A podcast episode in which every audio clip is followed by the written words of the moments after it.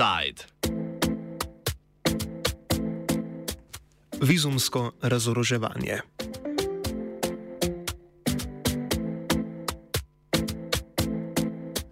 Zunanje ministrice in ministri držav Evropske unije so se včeraj sestali v Pragi, kjer so dosegli dogovor glede zamrznitve sporazuma o poenostavljenem izdajanju vizumov. Ruski državljani in državljanke so se lahko od začetka ruske invazije na Ukrajino relativno enostavno gibali po državah Evropske unije, zamrznitvijo dogovora iz leta 2007 pa jim bo to oteženo. Po besedah visokega zunanje političnega predstavnika Unije, Josepa Borela, se je od sredine julija priliv oseb z ruskim potnim listom v Evropsko unijo močno povečal, kar je označil za varnostno grožnjo državam, ki si z Rusijo delijo celinsko mejo.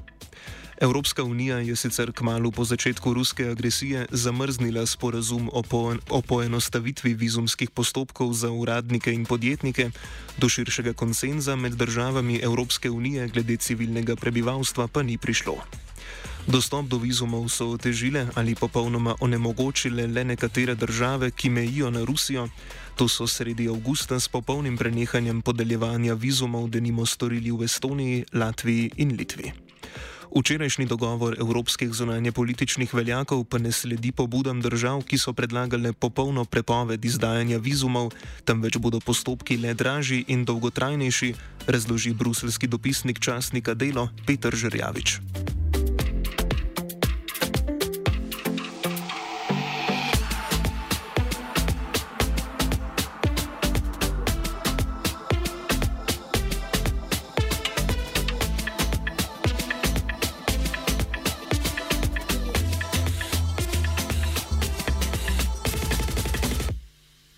Glavni dosežek oziroma glavni sklep tega zasedanja je bilo, da se ruskim državljanom omeji oziroma oteži pridobivanje uh, vizumov za vstop v države EU. Te omejitve smo naredili z, z zamrznitvijo, ne, z suspenzijo uh, sporazuma med uh, eh, EU in Rusko federacijo o poenostavitvi po postopka izdajanja uh, vizumov. Ne.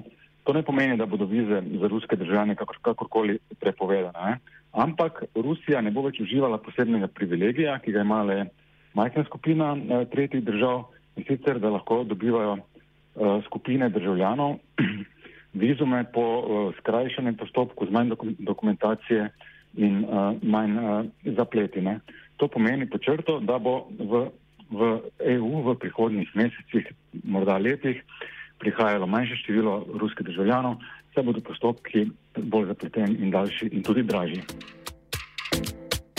Ruske državljanke in državljani so za postopke izdajanja vizumov odslej odšteli 35 evrov, po včerajšnjem dogovoru pa bodo za dovoljenje za vstop v Evropsko unijo plačali 80 evrov. A otežen dostop do vizumov se ne bo nujno nanašal na vse ruske državljane in državljanke, saj naj bi po besedah slovenske zunanje ministrice Tanja Fajon obstajala razlika med navadnimi državljani in tistimi, ki podpirajo agresijo. S tem bomo um, resnično precej dodatno omejili potovanja ruskim državljanom. Za vse ljudi smo pa seveda govorili tudi o možnih izjemah, ko gre za novinarje, ko gre za umetnike, ko gre za um, študente ali pa pač ljudi, ki so res pod nekim hudim pritiskom um, ruskim in potrebujejo odhod iz države. To se bodo države same odločale. Torej, včeraj je bil narejen en pomemben korak, nek politični dogovor, politično sporočilo Rusiji, da se vrata ruskim državljanom še bolj zapirajo, da bo bistveno teže potovati iz države.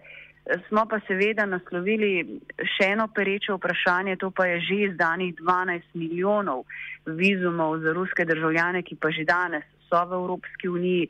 In to je predvsem tista rak rana zlasti baljskih držav, ki imajo težave in so upozorili in smo se dogovorili včeraj naknadno, da od Evropske komisije zaprosimo premislek o tem vprašanju, kaj narediti z že izdanimi vizumi, kot rečeno, je takih uh, ruskih državljanov v Evropski uniji okoli 12 milijonov. Največje število oseb z ruskim potnim listom je meje Evropske unije po začetku vojne v Ukrajini prestopilo preko Estonije in Finske. Po podatkih Frontexa oziroma Evropske agencije za mejno in obaljno stražo je severovzhodne šengenske meje prečkalo okoli milijon Rusov ter Rusin. Poleg že omenjenih Estonije in Finske so veliko število prečkanj zabeležili na Polskem, v Litvi in Latviji. Slednje države so že prenehale izdajati vizume in so pričakovale, da bodo temu sledile tudi preostale države. Posledično so bila mnenja nekaterih, so bila mnenja glede skupnega ukrepa predvsej deljena, drakonskim prepovedim izdajanja vizumov sta najbolj nasprotovali Francija in Nemčija, zadržke pa je imela tudi Slovenija. Enotni so bili v neki, recimo, temu kompromisni rešitvi. Ne? To cel kup držav, ne? nordijske, nizozemska, baltske države, polska, češka. Ne? So zahtevali popolno prepoved izdajanja vizumov uh, ruskim državljanom. Izjema bi seveda bili uh, ljudje, ki prosijo uh, za azil, kritiki uh, Putinovega uh, režima. Ne.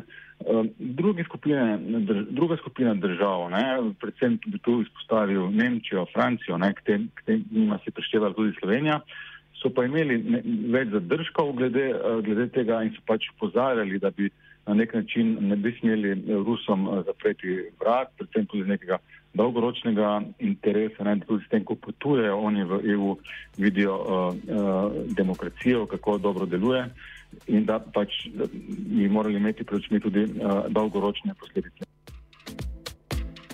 Po mnenju Petra Žerjaviča sta imeli Francija in Nemčija pri tovrstnih sankcijah usmerjenih proti Rusiji pokroviteljski odnos do banskih držav. Simo Nemčija, Francija že v prejšnjih mesecih, letih so, imata nek paternalistični pristop do vzhodnih držav in misleč, da bolje uh, vesta, vedno sta glede Rusije zagovarjala nek, uh, neke druge uh, pristope, ki so se zdaj, zdaj pokazali uh, kot napačni. Ne? Zdaj vidimo, da so pač ta svarila, ki so zdaj čas prihajala z baltskih držav vzhoda, bila, bila Eh, točna, no? ampak v ozadju njihove logike je pač bilo, da s tem, ko puščamo vrata odprta, se tesneje povezujemo, eh, dajemo neko perspektivo ljudem, ki pridejo, da vidijo, zakaj je, eh, zakaj je demokracija boljša. To velja predvsem za mlade, za, za druge generacije. Prvi državi Evropske unije, ki sta popolnoma prenehali z izdajanjem vizumov, sta bili konec februarja Litva in Latvija. Pred dvema tednoma pa se je tega poslužila tudi Estonija, ki je sicer uvedla tudi popolno prepoved vstopa ruskih državljank in državljanov z veljavnim estons estonskim vizumom. Finska pa bo z današnjim dnem izdajo vizumov omejila za 90 odstotkov. Kljub temu, da včerajšnji neformalni dogovor predvideva le oteženo pridobivanje vizumov, lahko vsaka država, skladno z evropsko zakonodajo, po svoji volji ukrepa glede podeljevanja dovoljen za prestop šengenske meje.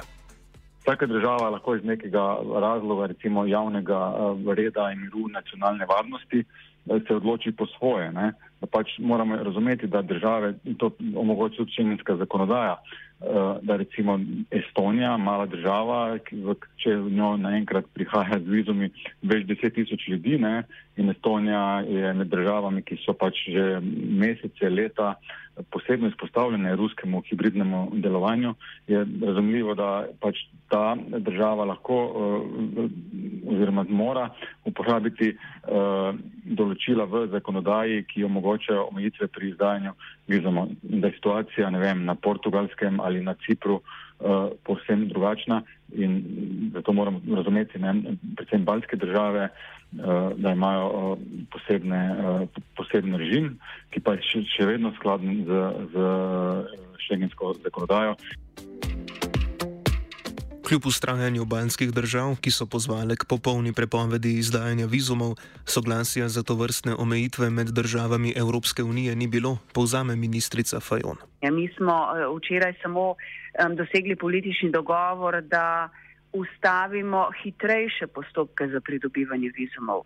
Zdaj, če bi v Evropski uniji dosegli enotnost glede prepovedi izdanja vseh turističnih vizumov, potem bi bil to res hud udarec. Tu enotnosti ni bilo. Um, tudi jaz sem sama izrazila v imenu Slovenije zadržek k takšnemu ukrepu, ravno zato, ker bi lahko dodatno prizadel, kot ste sami omenili, tiste ruske državljane, ki nasprotujejo režimu in bi tudi zaradi tega razloga si želeli zapustiti državo.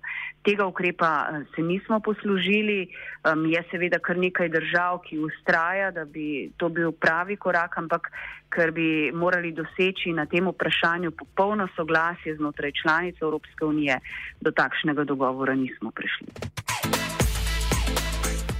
Zonani ministri in ministrice so sprejeli le političen dogovor, Evropska komisija pa mora sedaj pripraviti usmeritve, ki bodo včerajšnji dogovor še formalizirale. Včeraj je šlo za neformalno zasedanje zonanih ministrov, to pomeni, da smo dosegli zgolj politični dogovor. Eh, je pa res, da je bila zraven prisotna tudi Evropska komisija, ki je ta politični dogovor podprla in bo pripravila zdaj pravno podlago in po hitrem postopku naj bi o tem odločali na pristojnem um, um, svetu organi znotraj Evropske unije. Jaz mislim, da bo to um, zelo hitro, glede na to, da bo šlo za hitrejši postopek in da Evropska komisija predlog včerajšnji že podprla, bo tudi hitro pripravila usmeritve za razpravo v svetu Evropske unije.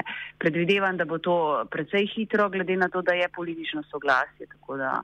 Um, ostalo pa seveda ostaja odprto to vprašanje popolne prepovedi turističnih vizumov za ruske državljane, kar je pravzaprav um, predlagal, zahteval um, ukrajinski predsednik um, Zelenski v pogovoru z vsemi članicami Evropske unije in zato včeraj smo bili deloma deležni tudi kritike, da gre za preveč popuščanje Rusiji, pa vendar um, enotnosti za zdaj pri takšnemu ukrepanju ni.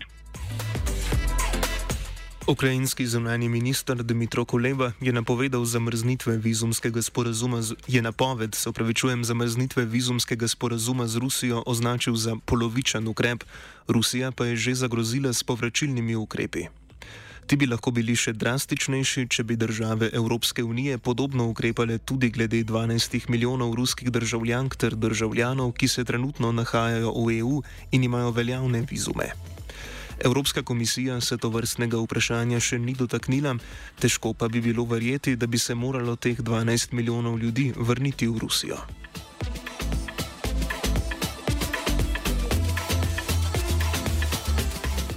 Offside je pripravil Matija.